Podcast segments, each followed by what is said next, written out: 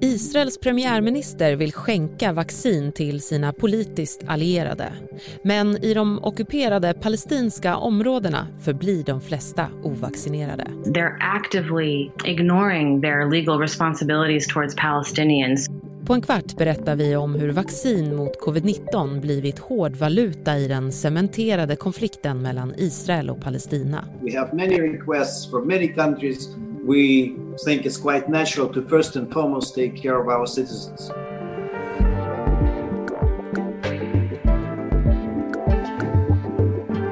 Idag är det måndag den 1 mars. Jag heter Karin Bülow Orje och det här är dagens story från Svenska Dagbladet. Då måste jag få ställa in rösten först. Hej alla monsterdegare. Nej, nej, du kommer ju bara vilja göra det till någon sån här radioröst. ja. Jesper Sundén är vår Mellanösternanalytiker och har även varit utrikesredaktör på Svenskan under många år. Vi ska ju prata om eh, vaccindiplomati alldeles strax, men, men först så vill jag veta hur Israel blev världsbäst på att vaccinera sin befolkning. Jag menar 660 000 svenskar har ju vaccinerats hittills. I Israel är siffran 4 600 000. Så vad har Israel gjort annorlunda jämfört med Sverige här? Den största skillnaden är att Israel eh, tecknade ett avtal med Pfizer om att bli en sorts experimentverkstad där man eh, skulle få eh, nästan obegränsat flöde av vaccin eh, i samma takt som man vaccinerade folk. Och, och så i realtid så kan man se vilka effekter, vilka bieffekter, vilka effekter vaccineringen får på smittspridningen.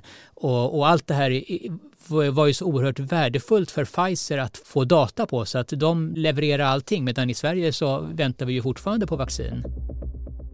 Israel has had one of the most aggressive and fastest vaccination drives in the world. Ett och tre som har vaccinerat 50 procent av Israels befolkning. When you want to get something done, you just say this is the way we're going to do it and you do it.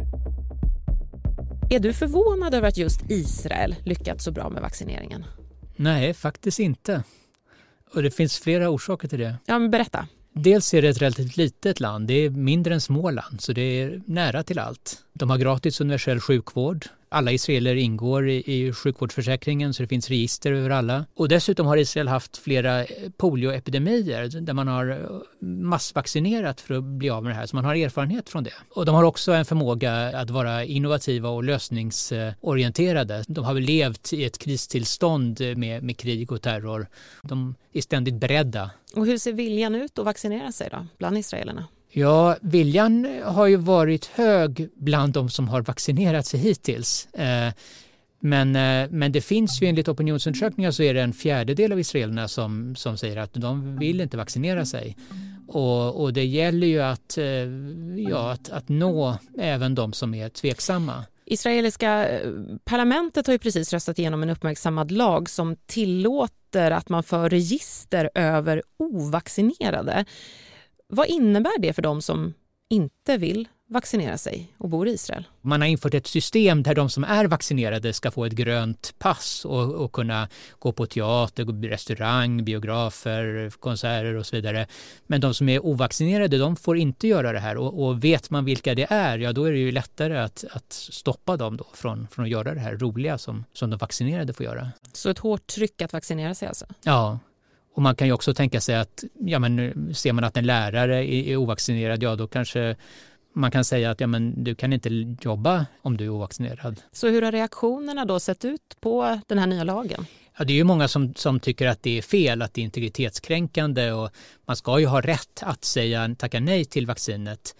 Eh, men samtidigt så, så är det ju många också som tycker att det är bra eftersom smittspridningen eh, drabbar ju inte bara de som blir sjuka utan det har ju drabbat hela Israel och ekonomin eh, med de tre nedstängningar som har varit så att det här vill man ju väldigt gärna komma ur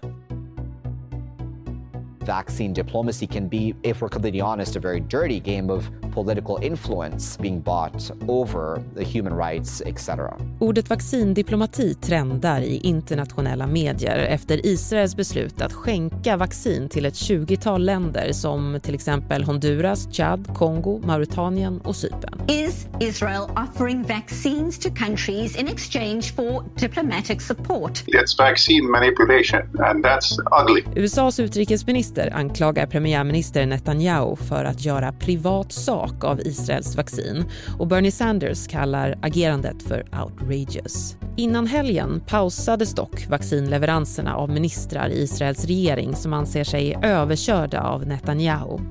Men trots det och den internationella kritiken tyder inget på att premiärministern kommer att ändra sig. Ja, Israel har alltså börjat skänka bort vaccin nu.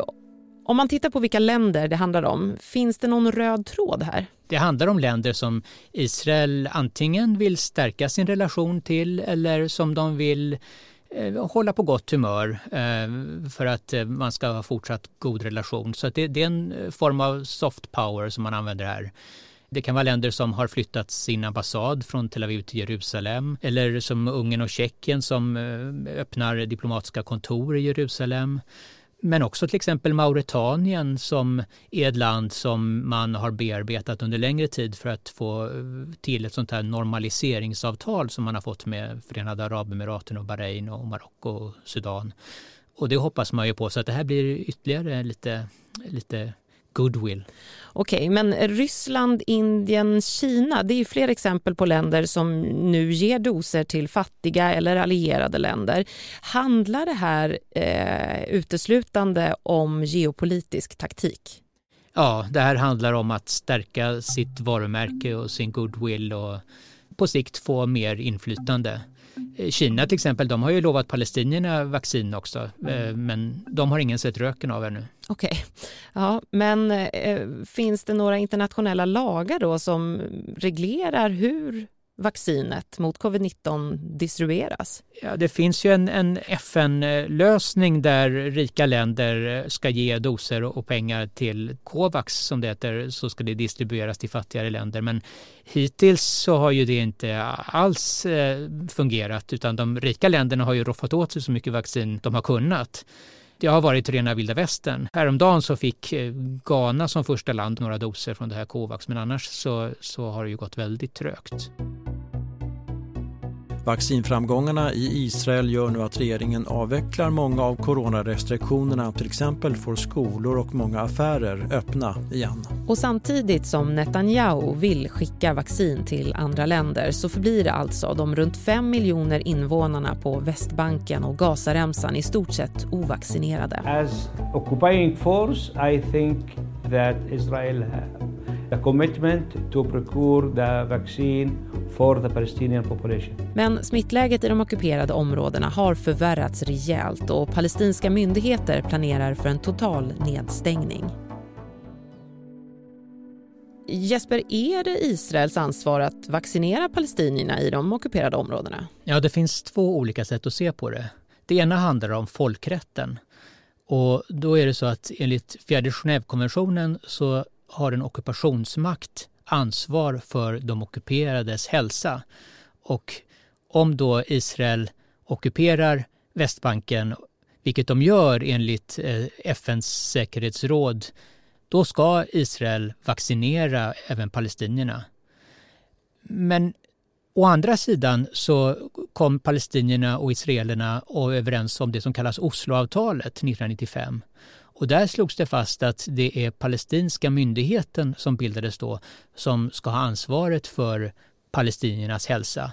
Och därför så är det de som ska vaccinera palestinierna. Eh, och det hävdar ju Israel. Men kritikerna då menar att eh, folkrätten, den går inte att förhandla bort. Den står över Osloavtalet och vilket avtal som helst. Det här är, är någonting som, som alltid gäller. Ytterligare en sak som är viktig att komma ihåg när vi pratar om vaccineringen av palestinier, det är ju att eh, en fjärdedel av Israels befolkning är palestinier med israeliskt medborgarskap. Och de får ju vaccin på exakt samma villkor som andra israeler. Det här handlar ju i grunden om en konflikt som pågått i över 70 år och ännu inte fått någon lösning.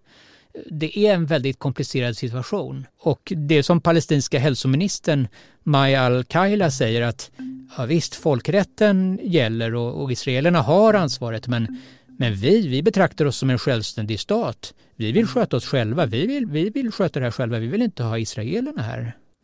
Men samtidigt så väljer ju Netanyahu trots allt nu att skicka de här doserna utomlands istället för till de ockuperade områdena. Men menar du att de palestinska myndigheterna alltså skulle ha vägrat att ta emot dem? Alltså de har, de har ju tagit emot vaccin från Israel. Israel har gett några tusen doser till, till sjukvårdspersonal där och det har de ju tagit emot.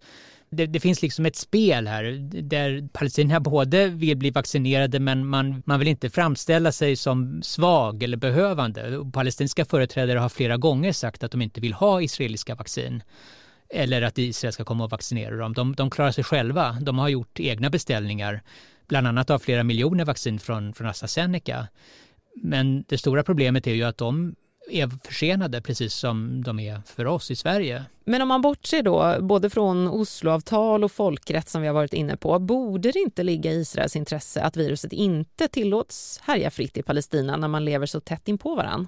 Jo, absolut. Det är många som hävdar det. Till och med Benjamin Netanyahu, Israels premiärminister, har sagt det. Ehm, det är ju väldigt många palestinier som arbetar i Israel och som, som pendlar eh, från Västbanken till Israel och, tillbaka. Och det är även israeler som åker över till Västbanken för att handla där eftersom det är billigare. Eh, och den senaste veckan har det också varit en kraftig ökning av smittspridningen på Västbanken och tal om att stänga ner hela samhället. Och det är ju så att ju mer smittspridning desto större risk för nya varianter.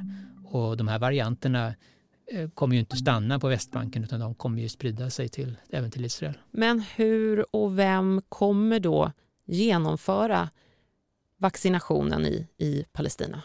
Palestinierna skulle ha fått sin första leverans av AstraZeneca-vaccin i mitten av februari. Men nu är ju de här vaccinen försenade och ju längre det här drar ut på tiden så tror jag att, att vi mycket väl kan se en förändrad spelplan där kanske israelerna ändrar sig och ser till att palestinierna får fler vaccin, inte minst för att skydda sig själva.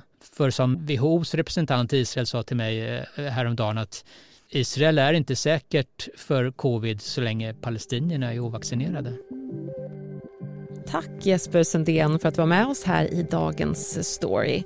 Och det har ju varit lite stiltje i den här frågan under helgen då det har varit den judiska högtiden Purim. Men du fortsätter att bevaka Mellanöstern och förstås vad som händer med de här vaccinleveranserna. Läs om det framöver på svd.se och i tidningen. Vi som gjorde programmet idag var producent Siri Hill, redaktör Maria Gelmini och jag heter Karin Bülow Orje.